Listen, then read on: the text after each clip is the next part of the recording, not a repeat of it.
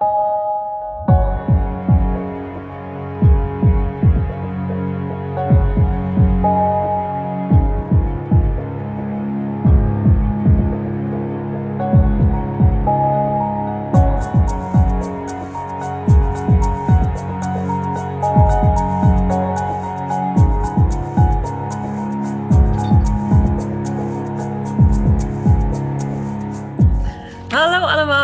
welkom bij een nieuwe aflevering van Radio Savannah, de podcast van boekwinkel Savannah W. Ik ben Suzanne En ik ben Lola. en wij zitten helaas weer niet in onze mooie boekwinkel Savannah B, maar Nee. in gedachten natuurlijk zijn we daar wel. Zeker, we voelen het. We voelen de, de, de vibes vanuit de winkel. Als je Savannah B niet kent, Savannah B is een onafhankelijke boekwinkel in het centrum van Utrecht. We zijn gespecialiseerd in feministische literatuur, wat voor ons zoveel betekent als literatuur op het snijvlak van gender studies, postcolonial studies en queerness. Yes, en in elke aflevering van deze podcast bespreken wij een boek wat wij tof vinden, waarvan we vinden dat het meer aandacht verdient. Of wat misschien al heel veel aandacht heeft, maar Mhm. wat altijd wel een, een schepje erbovenop kan krijgen van ons. En ehm, daar hebben we het dan over. Met z'n tweetjes en met iedereen die luistert. Ja, en deze week speciaal ook met mijn enthousiaste katten in de achtergrond, die heel veel te melden hebben. eh, Ja. Wat niet altijd handig is bij het opnemen. Ik vond het een prachtig boek. Deze keer eh, lazen wij Verheven Koninkrijk van Ja Jessie, of, eh, Transcendent Kingdom in het Engels. Mhm. De Nederlandse editie is uitgegeven door de Bezige Bij en de Engelse door eh, Alfred A. Knopf, voor wie dat wil weten. En de Nederlandse vertaler is Nicolette Hoekmeijer. Yes, en het is eh, vorige maand uitgekomen. Deze maand Ja. uitgekomen. Kort geleden. Ja, heet Van de Naald, vers van de pers. en eh, wij hebben het gelezen en we gaan het bespreken. Mhm. Voordat we daarin duiken, is het goed voor iedereen die luistert om even te weten dat dit, dit boek en daarom ons gesprek gaat onder andere over onderwerpen als depressie en verslaving en rouw en verlies van dierbaren. Als dat iets is waar je niet naar wil luisteren, om wat voor reden dan ook, hebben we nog een heleboel andere interessante afleveringen. Die op dit moment misschien beter voor jou zijn om naar te luisteren. Dus doe dat vooral en ehm, skip deze als dat onderwerpen zijn waar je niks mee kan op het moment. Ja, Jessie is geboren in Ghana en groeide op in Huntsville, Alabama. Eh, ze volgde de Iowa Writers Workshop en ze woont nu in Berkeley, Californië. Ze debuteerde met de wereldwijde bestseller Weg naar huis, Homegoing in het Engels. Eh, een moderne klassieker over ras, geschiedenis en liefde. Veel mensen zullen bekend zijn met haar vorige boek, haar debuutroman Homegoing. Lola, jij hebt die gelezen, hè? Ja, Was jij daar ook zo weg van, zoals zoveel mensen die ik erover heb gehoord? Ja, ik vond het, het was wel een heel, heel bijzonder boek. Het boek wat de nakomelingen van twee eh, zussen volgt, die geboren zijn in Ghana. En een van de twee zussen in, waar zitten we? Volgens mij ze- 17e of 18e eeuw. Een van Mhm. de twee zussen wordt tot slaaf gemaakt en gaat naar Amerika. De andere blijft in Ghana. En je volgt eigenlijk de twee familielijnen en wat er gebeurt in hun levens en, en hoe verschillende generaties zich tot elkaar verhouden. Ik vond dat toen wel een heel indrukwekkend boek, ja. Het was groots en heel, Mm. eh, het deed heel veel en doordat je, je volgt dus echt meerdere personages en ehm, stipt daardoor ook heel veel verschillende historische contexten aan, maar ook heel veel natuurlijk gewoon persoonlijke dingen waar mensen in het kader van zo'n hoofdstuk, je hebt elk hoofdstuk één ander personage en een ander perspectief, maar die mee dealen en hoe die twee dingen in elkaar haken eigenlijk. Dus wat wij kennen als, als historische feiten, ja, persoonlijk gemaakt en dus geplaatst in een, in een langere tijdlijn. Mhm. Ja, ik weet dat heel veel mensen naar dat boek kwamen vragen destijds en nog steeds. Mhm. De Ik moet zeggen, het is een soort, zeg maar, deze historische verhalen zijn boeken die ik zelf nooit op zou pakken. En ik heb dit boek, Het Verheven Koninkrijk, het is wel echt een boek wat heel snel een heel sterk plekje in mijn hart heeft gekregen. Dus ik ben nu ook heel benieuwd en ik ga sowieso nu ook Homegoing wel pakken. Maar het- de manier waarop je het boek ook nu beschrijft, en is ook de reden, denk ik, waarom ik het zo lang niet heb opgepakt. Omdat het lijkt zo'n heel ander soort verhaal. In dat Ja. historie, en dat hele grootse en dat ambitieuze. Terwijl dit is ook op zichzelf een, een ambitieus verhaal, maar het is heel menselijk en heel klein. Het is een verhaal van één vrouw binnen haar gezin. Eh, misschien een beetje over haar carrière, maar echt over haar ja, wereldbeeld en de beleving van ja, alles wat zij tegenkomt in haar leven. Het is zo'n Ja. ander perspectief, lijkt het. Ja, wat dit, wat dit ook boek, we zullen het nog wel, we gaan het in-depth hebben over waar het precies over gaat, maar dat maakte dit ook wel heel interessant om te lezen, omdat het een hele andere vaardigheid ook vereist of zo. Want dat vorige boek was echt opgedeeld in dat je elk hoofdstuk dus een nieuw personage leert kennen en een nieuw perspectief en een nieuwe context. Ehm, ja, je was zeg maar of in Ghana of in Amerika, dus dan moet je even schakelen van oké, waar ben ik? Wie was ook weer de vorige persoon die, over wie ik hier heb gelezen? Hoe zit het allemaal in elkaar en wie is deze persoon dan? Ja, waardoor je een soort van lijkt mij als schrijver, een hele andere techniek moet toepassen waardoor, om ervoor te zorgen dat je lezer met jou meegaat. Als je telkens maar opnieuw aan je lezer vraagt, je gaat je nu meeleven met deze persoon en met dit personage en je gaat je bekommeren om het lot van dit personage en van deze familie. Terwijl dit boek is waar je een heel 300 pagina's de tijd hebt om een soort van te zijn met die mensen. En je weet gewoon, mm. oh ja, dit is een, een kleinere gezinscontext en we blijven, we blijven even met deze mensen en deze gevoelens. En je, dus het lijkt net echt alsof je hele andere soort van schrijversspieren. Maar de mm. vorige, vorige, waren er, waren er, was er leg day en dan nu is er, is er arm workout of zo. Ik weet niet. Ja, ja, ik begrijp wat je bedoelt, ja. Ja, en misschien dat, dat ik daarom zo verrast ben dat het zo'n jonge schrijver is. Maar het voelt helemaal mm. niet als een jonge schrijver. Het voelt heel erg als een, een volwassen schrijver die precies ja, de, de muscles precies heeft ontwikkeld die ze nodig heeft inderdaad om zo'n verhaal te vertellen. Ja. Zullen we even kort vertellen waar het over gaat? Doe dat. Een klein beetje context. Verheven Koninkrijk, dat gaat over personage Gifty. Zij, zij is eigenlijk het enige perspectief wat wij volgen. Dus we zien alles door haar ogen. En haar familie is geëmigreerd vanuit Ghana. Haar moeder, haar vader en haar oudere broer. Zij groeit op in Alabama en het boek opent. Zij werkt als PhD-onderzoeker, als wetenschapper in de neurowetenschap, biologie. Um, we, zitten hier echt, we zitten hier echt met twee alfa's. Iets met cellen en experimenten. Muizen en... Uh... Muizen en breinen en zo. Microscopen. En het boek opent als haar moeder bij haar moet komen wonen. Omdat ze gewoon in een, in een depressieve episode zit. En dat is eigenlijk de aanleiding waarop zij Gifty gaat nadenken over haar leven, de relatie met haar moeder, de relatie in haar gezin en alles wat daarbij komt kijken. Ja, dus het is het verhaal van een uh, gezin, Gifty, haar broer Nana en haar vader en moeder, die vanuit Ghana naar Alabama zijn gekomen. Uh, Nana, de, de oudste broer, die ook echt de, ja, de lieveling is en het geschenk en uh, het kind dat de wereld zou moeten krijgen. Dat is ook een belangrijke reden waarom ze naar Amerika zijn gekomen, omdat Nana het allerbeste zou verdienen. En wat er dan gebeurt, deels zeg maar een, een migrantenverhaal. Het verhaal van een migrantengezin. Uh, dat naar Amerika komt en de, niet per se de gouden bergen vindt die het daar gehoopt had aan te treffen. Keihard moet werken, met discriminatie te maken krijgt, et cetera. En dat is niet per se heel expliciet op de voorgrond, maar lees je wel ja, meer impliciet en meer expliciet door het verhaal heen. En een van de effecten daarvan is ook dat de vader van het gezin op een gegeven moment zoveel heimwee krijgt en zo terugverlangt naar Ghana, naar het thuisland, uh, dat hij op een gegeven moment ook vertrekt. En wanneer dat gebeurt, eigenlijk raakt het gezin uit balans. En uh, begint er van alles te verschuiven en beginnen er verantwoordelijkheden te verschuiven en verwachtingen te verschuiven. En dat is eigenlijk het moment dat het gezin een beetje uit elkaar begint te vallen. Yeah. En wat, wat mooi is in de manier waarop um, Jessie dit verhaal vertelt, is dat een heel mooie uh, gebruik maakt van allemaal verschillende soorten, ja, verschillende soorten manieren om uit te leggen wat er aan de hand is. En uh, sommige uh, technieken die ze gebruikt zijn heel erg bekend en andere gaan bijvoorbeeld heel erg terug ook op de Ghanese achtergrond. En een voorbeeld daarvan die me is bijgebleven gaat over de Asa-bes. Ik dacht, ik lees hem heel eventjes voor, om uit te leggen ook hoe zij gewoon verhalen vertelt. Ze schrijft, toen ik heel klein was, noemde mijn moeder me op een zeker moment Asa, de wonderbes die alle zure dingen die je erna eet zoet maakt. Met context is de Asa een wonderbes. Zonder context is hij niets, doet hij niks. Wat overblijft is de zuurte. In die eerste jaren van ons gezinnetje van vier waren er overal zure vruchten. Maar ik was Asa en Nana was context. Dus er was meer dan voldoende zoet.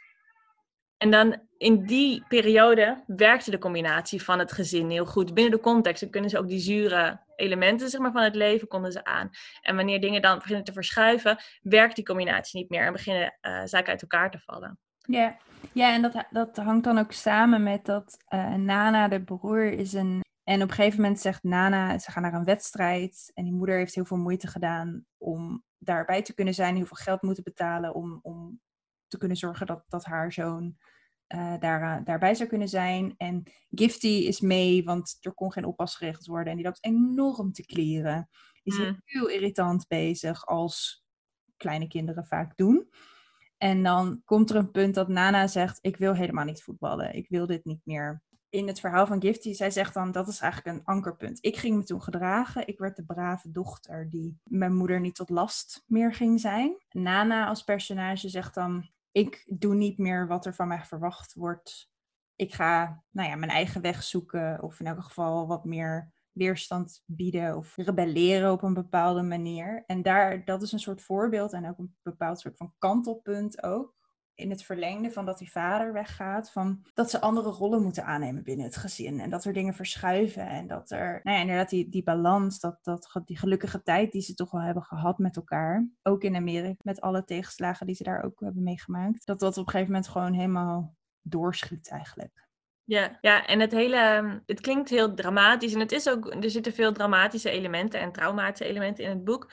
Maar het boek is zo menselijk. Mhm. En het is zo, zelfs als het een verhaal is waar je helemaal niet in kan vinden, misschien kom je uit een heel ander soort gezin, een heel andere soort situatie. Het is zo'n uh, doorleefd en gevoelig verhaal. Het is zo ontroerend om te lezen. Dat ook als bijvoorbeeld jouw relatie met jouw moeder heel anders is, misschien heb je helemaal geen broer. Weet je, misschien is je leven heel anders. Je, je, je vindt overal herkenningspuntjes om aan te haken, emotioneel aan te haken.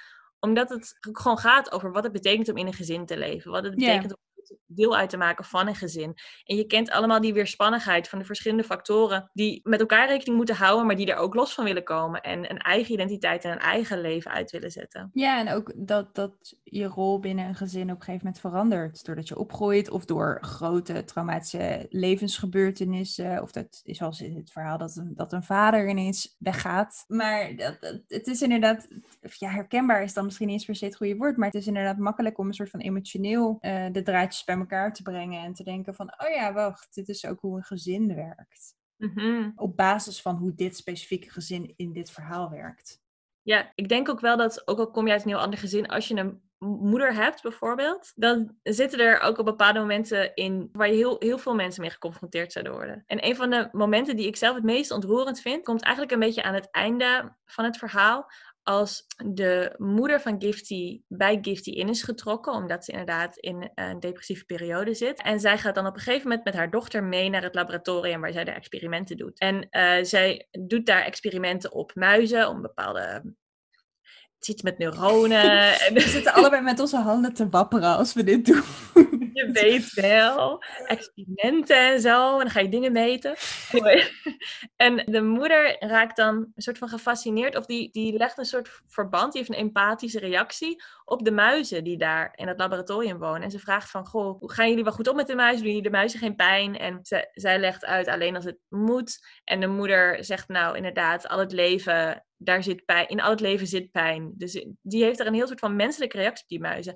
En dan is er een hele mooie passage waarin Gifty eigenlijk opnieuw tot de realisatie komt dat haar moeder een, een eigen persoon is. Die niet samenvalt met de dochter. Wat ik natuurlijk als kind heel graag een soort van wil en verlangt en heel lang ook gelooft. En die wens ook een soort van volhoudt. Dat je zou willen dat je moeder precies weet wat jij voelt, wanneer je het voelt en precies weet hoe daarop te reageren. En die realisatie dat de moeder een ander is, was echt zo'n heel teder, ontroerend moment waar dit boek heel, ja, heel vol van staat. Vind je, vind je het goed als ik een stukje voorlees? Ja, absoluut. Ja, zeker. Altijd. Het is een beetje een lang stukje, maar het is heel mooi. In de laatste fase van Mahler's separatie-individuatietheorie over de ontwikkeling van het kind worden baby's zich langzaam bewust van het eigen ik en ontwikkelen daarmee tevens het besef dat een moeder een individu is. Mijn moeder, die door mijn lab liep, van alles en nog wat bekeek, blijk gaf van tederheid jegens een muis, terwijl ze vrijwel nooit enig levend wezen tederheid betoonde. En dat terwijl ze midden in een depressie zat, was voor mij een bekrachtiging van die les. Natuurlijk is mijn moeder een individu. Natuurlijk heeft ze ontelbare facetten. Ze reageert op manieren die mij verbazen, deels omdat ze eenvoudigweg niet mij is. Ik vergeet het steeds en moet het opnieuw laten doordringen, omdat het een les is die niet beklijft, niet kan beklijven. Ik ken haar alleen in relatie tot mezelf, in haar rol als moeder. Dus als ik haar zie als haarzelf, bijvoorbeeld wanneer ze op straat wordt uitgejouwd, is er sprake van dissonantie.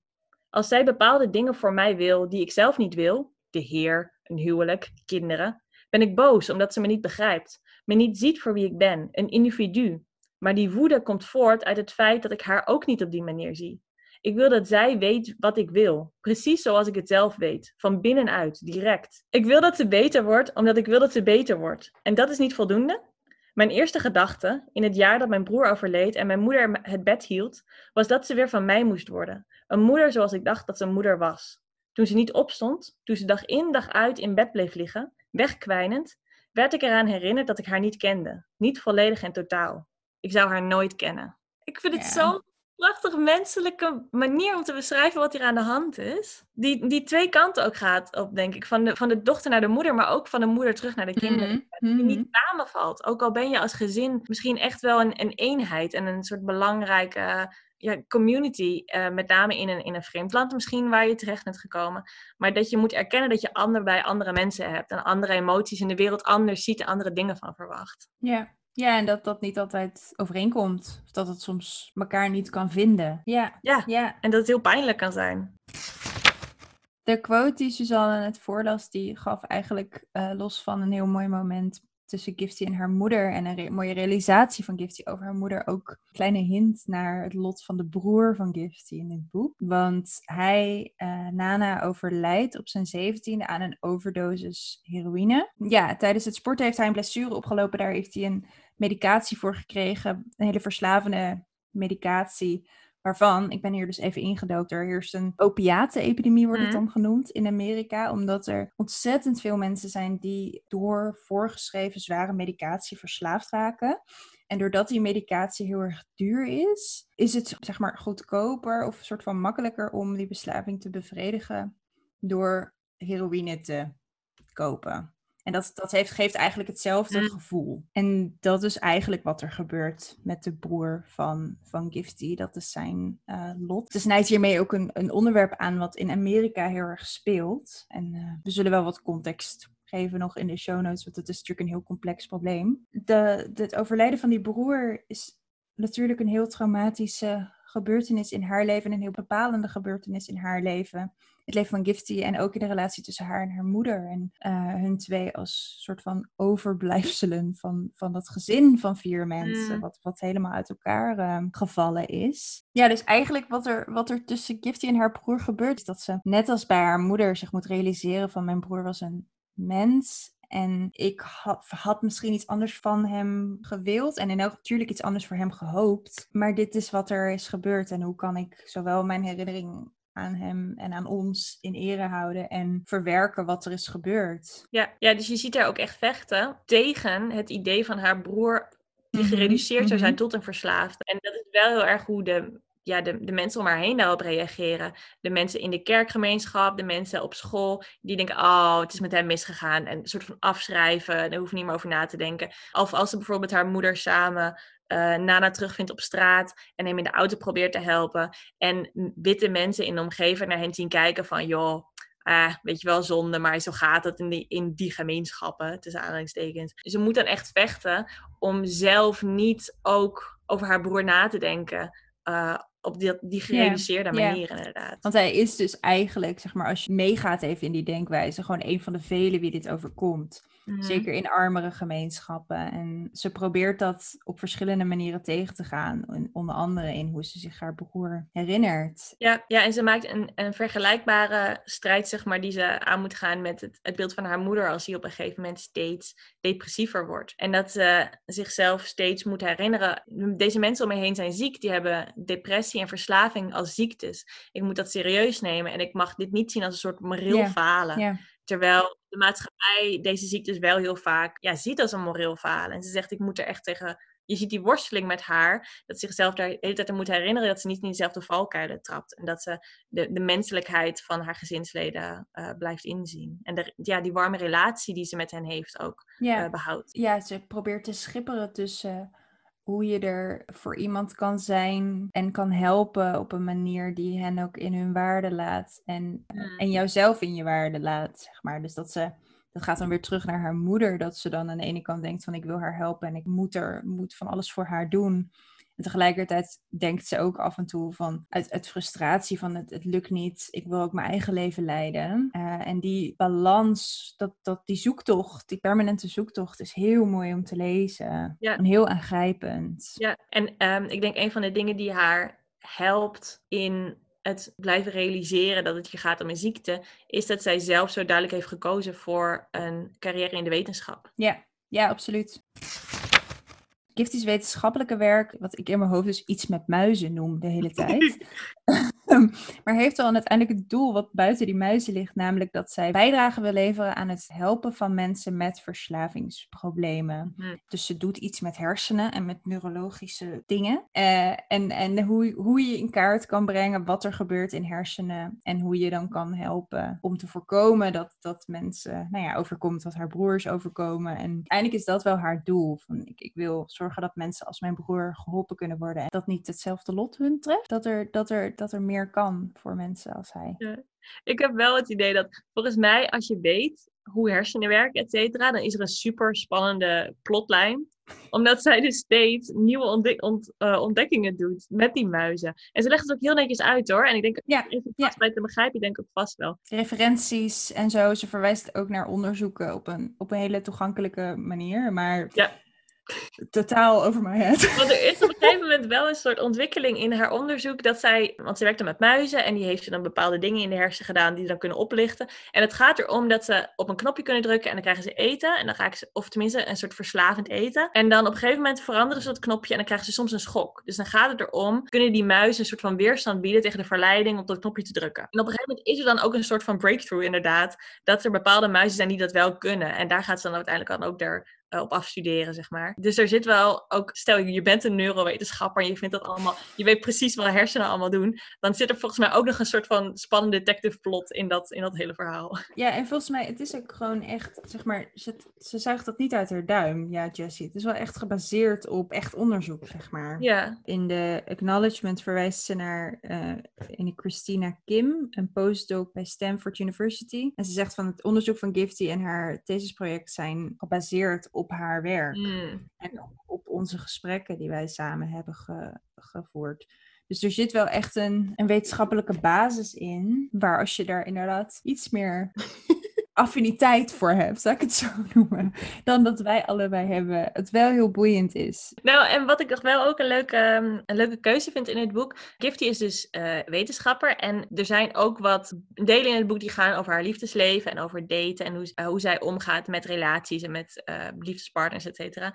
En een van de momenten daarin is ook dat ze telkens haar eigen werk een soort van reduceert en in Jip Janneke taal uitlegt aan haar dates. Om een soort van vriendelijker over te komen en om niet te hoogdravend over te komen. En op een gegeven moment heeft ze dan ook een date die zegt, joh, het is volgens mij super complex wat je doet. Je kan mij gewoon complexe dingen vertellen. En ik begrijp misschien niet alles, maar je hoeft niet te doen alsof jouw werk zo simpel is. Je... Yeah. En dat, eh, dat volgens mij heeft die keuze ook een beetje gemaakt in het boek. Het is super complex. Ik ga het je uitleggen. Als je hierin vast wil bijten, dan weet je het nu.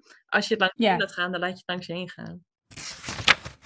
Een van de redenen waarom Gifties carrière in de wetenschap extra belangrijk is of extra significant is, is omdat ze opgroeit in een heel religieus gezin. Uh, religie en de, de evangelische kerkgemeenschap, waar het gezin zich bij aansluit in Alabama, uh, drukt een heel grote stempel op hoe zij ja, de, de wereld zien. En de soort vragen dat ze kunnen stellen en het soort vragen dat ze bijvoorbeeld ook met hun moeder kunnen bespreken, uh, wordt heel erg uh, geleid door die, die religieuze context. Ja, en zij, op een gegeven moment krijgt Gifty op school eigenlijk een soort van de push om te gaan voor een carrière in de wetenschap. En dan gaat zij dus via allerlei Ivy League universiteiten, komt ze uiteindelijk in uh, terecht waar ze onderzoek met die muizen um, doet. Maar dat is eigenlijk best een beetje een, een opvallende keuze en een opvallende soort van weg om te bewandelen als je kijkt naar hoe zij is opgegroeid. Ze zegt op een gegeven moment zit ze in de tenta moet ze een tentamen leren of zo. En dan zegt ze ja, ik heb allemaal van die psalmen in mijn hoofd. En ik heb wel eens gedacht, als ik nou eens al die psalmen niet meer onthield en gewoon wel de feiten die ik nu voor dit specifieke tentamen in mijn hoofd moet knallen, dan zou mijn leven echt een stuk makkelijker zijn. En dat is eigenlijk wat ze doet. Eh, in het boek. Dus ze groeit echt op met zo'n met zo'n moeder die continu de Bijbel quote. En kan dus zelf ook allerlei, nou ja, Bijbelfragmenten citeren. En ze, ze schrijft brieven aan God. Het is heel erg zo'n gezin. Ja, en als je nou een heel simplistisch en uh, niet zo'n interessante schrijver bent, dan zou dit dan een boek zijn over iemand die opgroeit in een religieus gezin, dan een trauma meemaakt en dan God achter zich laat en zich op de wetenschap stort. En dat is dus niet wat dit boek is. Het is uh, deels het omarmen van de, van de wetenschap en haar soort van missie om via de wetenschap een soort invloed te hebben op bijvoorbeeld mensen met een verslaving, mensen met een depressie, et cetera. Dat is niet een een afwijzing van God en alles wat met religie te maken heeft. En het zorgt wel voor spanning in haar leven, omdat bijvoorbeeld veel van haar liefgenoten atheïstisch zijn en religie maar een beetje ouderwetse onzin vinden en een soort uh, opium voor de masses, et cetera. Dat hele verhaal. Dus het levert wel spanningen voor haar op, maar het sluit elkaar helemaal niet uit voor haar. Nee, zij neemt gewoon afstand van van bepaalde aspecten van religie. Mhm. Dus op een gegeven moment ook dan, dan heeft het over seksuele voorlichting en zo. Dat ze er pas op de universiteit leert ze in een biologieles hoe een menselijk lichaam werkt. Want dat heeft haar moeder haar nooit uitgelegd. En dat heeft haar community, mensen uit haar community hebben dat haar nooit uitgelegd. Doordat de enige seksuele voorlichting die zij kregen was heb geen seks. Dan heeft ze echt zo'n realisatie van, ja jongens, wat had ik daaraan? Dus ze, op bepaalde manieren neemt, heeft ze zoiets van, oké, dat is niet, dat was niet voldoende voor mij. En, tegelijkertijd heeft ze wel haar eerste, zeg maar, sensuous experiences, heeft ze ook met bepaalde bijbelboeken. Maar ik ben niet vergeten waar het is, waar ze heel lichamelijke ja, beschrijvingen tegenkomt van de emoties, mm waarvan, mm -hmm. merkt van, oeh, volgens mij is dat, ja, en, en, en ervaring die hoort bij volwassenen. Dus ja. die ervaringen haalt ze ook bijvoorbeeld weer uit de Bijbel eigenlijk is ze gewoon al, zelfs als ze nog in de hele religieuze community in Alabama zit, bezig met een soort van ontwarren voor zichzelf. Van oké, dit is wat religie is en dit is wat de Bijbel is en dit is wat, wat men zegt dat, dat God is en moet zijn voor mij. Wat vind ik daar nou eigenlijk van? Hoe gaat iedereen daarmee om? Wat kan ik daaruit halen? Welke vorm wil ik dat dit aanneemt in mijn leven? En daar schippert ze een beetje tussen. Dat verschilt inderdaad heel erg per moment en, en afhankelijk van welke soort van spotlight je erop zet de hele tijd. Mm Ja, en ze heeft daar niet een eenduidig antwoord op. Nee, en ik vind het mooi, want het is een thema wat ik heel weinig zo mooi genuanceerd besproken vind in literatuur. Religie überhaupt kom ik heel weinig tegen in de literatuur die ik lees eigenlijk. En als ik het tegenkom, dan is het meestal, zoals we bijvoorbeeld zagen met De Avond is Ongemak, Marieke Lucas Rijneveld. Dat het idee van de Nederlandse streng gereformeerde gezinnen, waarin het echt een, een beperking en een afstomping en een soort uh, ja, bekrompen levensvisie lijkt. En in, in deze religieuze gemeenschap, het is ook een evangelische gemeenschap, dus het is ook wel een ander soort, uh, een ander soort toon, zeg maar, van, religieuze ervaring. Maar wordt ook heel erg naar voren gebracht de, de, de community, maar ook zeg maar de, ja, het opgaan in een, in een religie. En de troost en het plezier wat daaruit gehaald kan worden. Ja, en het is gewoon heel mooi om te lezen hoe een personage daar zoekende in is. Mm.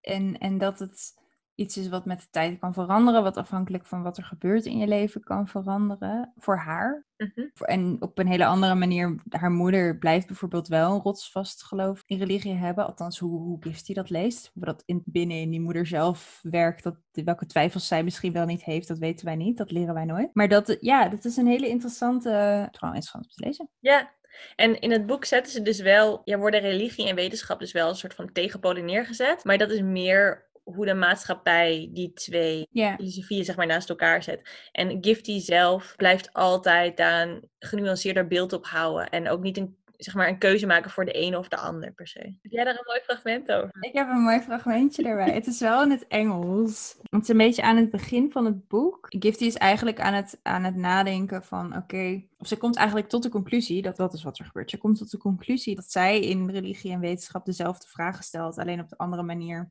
op zoek gaat naar een antwoord of op zoek gaat naar volgende vragen. En dat realiseert ze zich zo. Ze zegt: At times, my life now feels so at odds with the religious teachings of my childhood that I wonder what the little girl I once was would think of the woman I've become. A neuroscientist who has at times given herself over to equating the essence that psychologists call the mind, that Christians call the soul, with the workings of the brain. I have indeed given that organ a kind of supremacy, believing and hoping that all of the answers to all of the questions that I have can and must be contained therein. But the truth is, I haven't much changed. I still have so many of the same questions, like do we have control over our thoughts? But I'm looking for a different way to answer them. I'm looking for new names for old feelings. My soul is still my soul, even if I rarely call it that. Hmm. Dit is niet het soort roman wat dan een antwoord geeft op de manier van. En uiteindelijk koos ze dit. Mhm. dit nu hoe ze de wereld ziet. Het blijft veel meer. Het is niet een, een, een kwestie die opgelost wordt in het boek. Het is denk ik wel iets waar zij misschien wat meer vrede mee krijgt. Met die onduidelijkheid. En ze leert naarmate ze ouder wordt en zekerder wordt in haar werk. Wat meer eh, ja, een standpunt in te durven nemen. Of soort van wat minder omvergeblazen te worden door allerlei eh, collega's of medestudenten die lopen te blaten over dat God niet bestaat en dat religie Mm. geen, waar- geen waarde heeft tegenover de wetenschap. Maar eigenlijk blijft dit gewoon gedurende het boek een beetje doorsudderen. Ja, het is ook gewoon echt geen conceptuele roman. Het is geen ideeënroman. Het is echt een heel menselijk doorleefd, eh, ja, ontroerend verhaal van een vrouw die de wereld navigeert. Ja, en wat, zij, wat in het verlengde daarvan ligt en dat zij die vragen niet kan antwoorden, is dat ze ook Gifty's gedachten over religie en haar verhouding daartoe leiden haar ook tot anders nadenken of misschien wat zachter nadenken over haar moeder. En dat ze, ze kan bij haar moeder heel goed zien van, oh ja, zij haalt troost uit religie en zij, eh, ze kijkt heel liefdevol eigenlijk naar de relatie van haar moeder tot haar moeders religie. Hmm. En dat was heel mooi om te lezen. Dat, dat, want dat is eh, wat jij net zegt, Suzanne, dat dat toch vaak dan zo is van veel boeken. Van, dat dan ouders heel religieus zijn en dat kinderen zich daar lekker tegen af gaan zetten. En daarmee eigenlijk ook hun ouders soort van eh, opzij schuiven. Mhm. En dat doet zij hier niet. Zij zegt gewoon van, oh ja, dit is niet... Dit is niet mijn manier om ermee om te gaan, maar ik kan heel goed zien wat de waarde is voor mijn moeder en, en hoe zij deze relatie tot, tot religie, tot God, tot de kerk vormgeeft. Ja. ja, of dat religie zie je ook vaak dat religie als een soort van uitvlucht wordt gepresenteerd. Van Ja, mensen ja. die eh, niet de werkelijkheid onder ogen willen komen of zo, en dan vluchten in religie. Ja, dat is het ook echt absoluut niet hier. Nee. nee. Het laat ook gewoon heel erg de complexiteit zien. Want ook de moeder die deel uitmaakt van die eh, kerkgemeenschap, die haalt er veel troost uit. Maar het is voor haar ook keihard werken om daarin geaccepteerd te worden. Om daarin het soort troost te vinden waar zij behoefte aan heeft en waar ze iets mee kan. Ja. Ja, in, in een hele witte gemeenschap.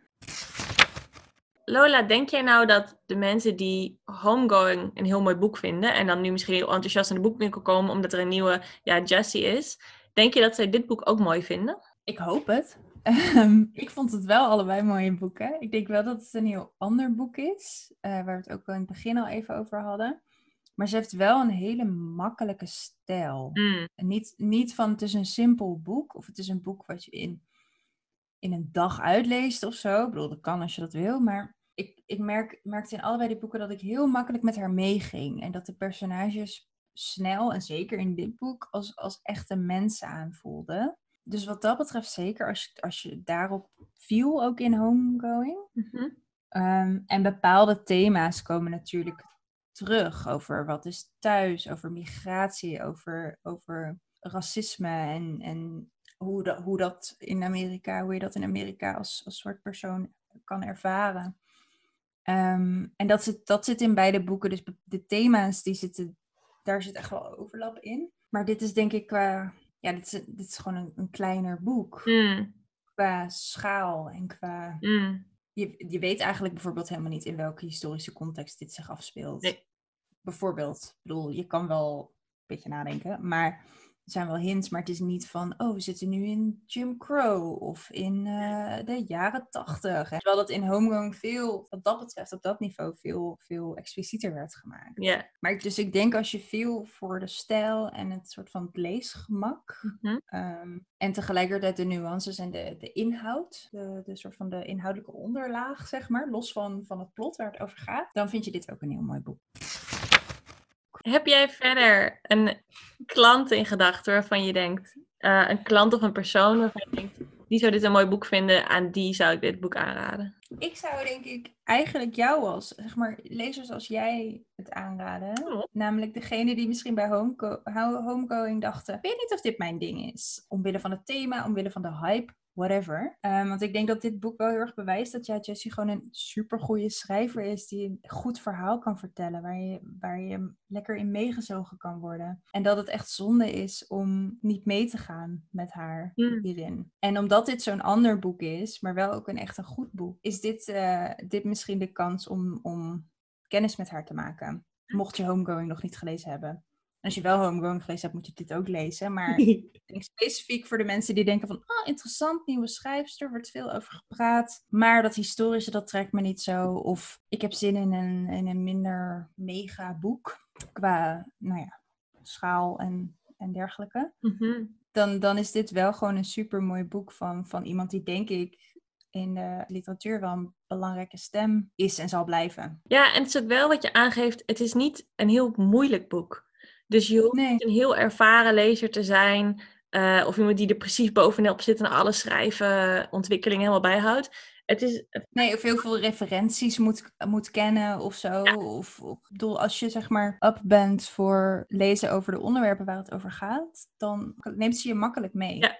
Ja, ik zat te denken bij het lezen van dit boek aan wie ga ik het aanraden. Het is nu denk ik ongeveer een, een jaar geleden, misschien iets minder, negen maanden geleden, dat er een klant was en die wilde een stapeltje boeken mee, want die ging op vakantie en we hadden een paar leuke dingen. En toen zei ze van, nou tot slot wil ik graag een boek over religie. En ik stond echt bij mijn mond vol tanden en ik zat te denken, religie, ja. Mm, volgens mij hebben we wel wat dingen over, zeg maar, eh, ja, spirit, echt een spiritueel meer soort van handboek. Maar een roman die over religie gaat, ik kwam daar helemaal niet, niet uit. En eh, ik krijg die vraag dus bijna nooit. En daarom Hij blijft je wel bij. ja, hij is me dus wel bijgebleven. En ik heb dus na- daarna nog wel een aantal keer, als, als religie voorkwam in een boek, dat ik moest denken aan die klant. En dat ik Ja, ja, nee, niet echt. En inderdaad veel soort van ja, Nederlands gereformeerde soort van schrikverhalen. Eh, maar echt een verhaal waarin religie als thema belangrijk is en serieus over wordt nagedacht. En eh, een soort van menselijke ja, complexiteit van, van religie laat zien. Dit boek, ik ga, als ik die klant nog een keer tegenkom, ren ik achter haar aan en zeg ik, dit is het boek voor jou. Dit had je een jaar geleden moeten hebben. Oh, ga je weer op vakantie? Ja, dat mag nou niet meer. Dan ga je lekker op, eh, als je nu een staycation organiseert, kom dan dit boek halen. Klant, als je dit hoort, Ja. ik heb het boek voor je gevonden uiteindelijk. Dit is het. Ja, ja. Dat, het was gewoon nog niet geschreven toen. dat was het, ja. dus dat is heel specifiek de ene klant wie ik dit boek heel hartelijk wil aanraden. Dit is alweer het einde van deze aflevering van Radio Savanne. Mocht je het leuk vinden om de boeken die wij bespreken te lezen, dan kan je ze kopen in onze webshop of in de winkel. Bellen ons, mailen. Ja, we kunnen van alles aanraden. We kunnen deze boeken uiteraard met heel ons hart aanraden. Lees allemaal Ja Jessie. Hm. Als je het leuk vindt om elke maand het fictieboek wat we voor de podcast lezen op je mat te ontvangen, dan kan dat. Dan kun je lid worden van Savannah Surprise. En dan eh, regelen wij dat gewoon. Dan verzinnen wij een heel leuk boek wat we gaan lezen. En dan eh, komt dat zo pief paf poef naar je toe. Hm. Als je het dan gelezen hebt en je wil er met ons over praten, dan kan dat. Wij zijn Savannah B op alle socials. En als je dan de hashtag Radio Savannah gebruikt, dan zien wij het. Yes. En dan gaan we lekker kletsen. En je kunt een recensie achterlaten van de podcast. Als je het leuk vond om naar te luisteren, dan ga, kan je ook met ons praten. Want dan gaan wij daar natuurlijk weer op reageren. En dan wordt het ook heel gezellig. Zeker. En je kan wat op mailen. Een briefje door de bus gooien. Als je met ons in contact wil komen, we staan er voor open, alle kanalen. Kom maar door. Vinden wij hartstikke gezellig. Dan willen we heel graag Rieke Blom eh, bedanken voor het maken van onze logo. En eh Gooflooks dat wij in uit zijn nummer Joan mogen gebruiken als onze themesong. Volgende keer lezen wij Gloei. Het is een verzameling interviews van Edward van de Vendel met 21 jongeren tussen de 16 en 23 jaar. En eh, ik heb er doorheen gebladerd en ik werd er zo vrolijk van. Dus volgens mij wordt dat een heel gezellig gesprek. Dat denk ik ook. Allemaal luisteren. En dan... Tot dan. Tot dan. Bye. Dag.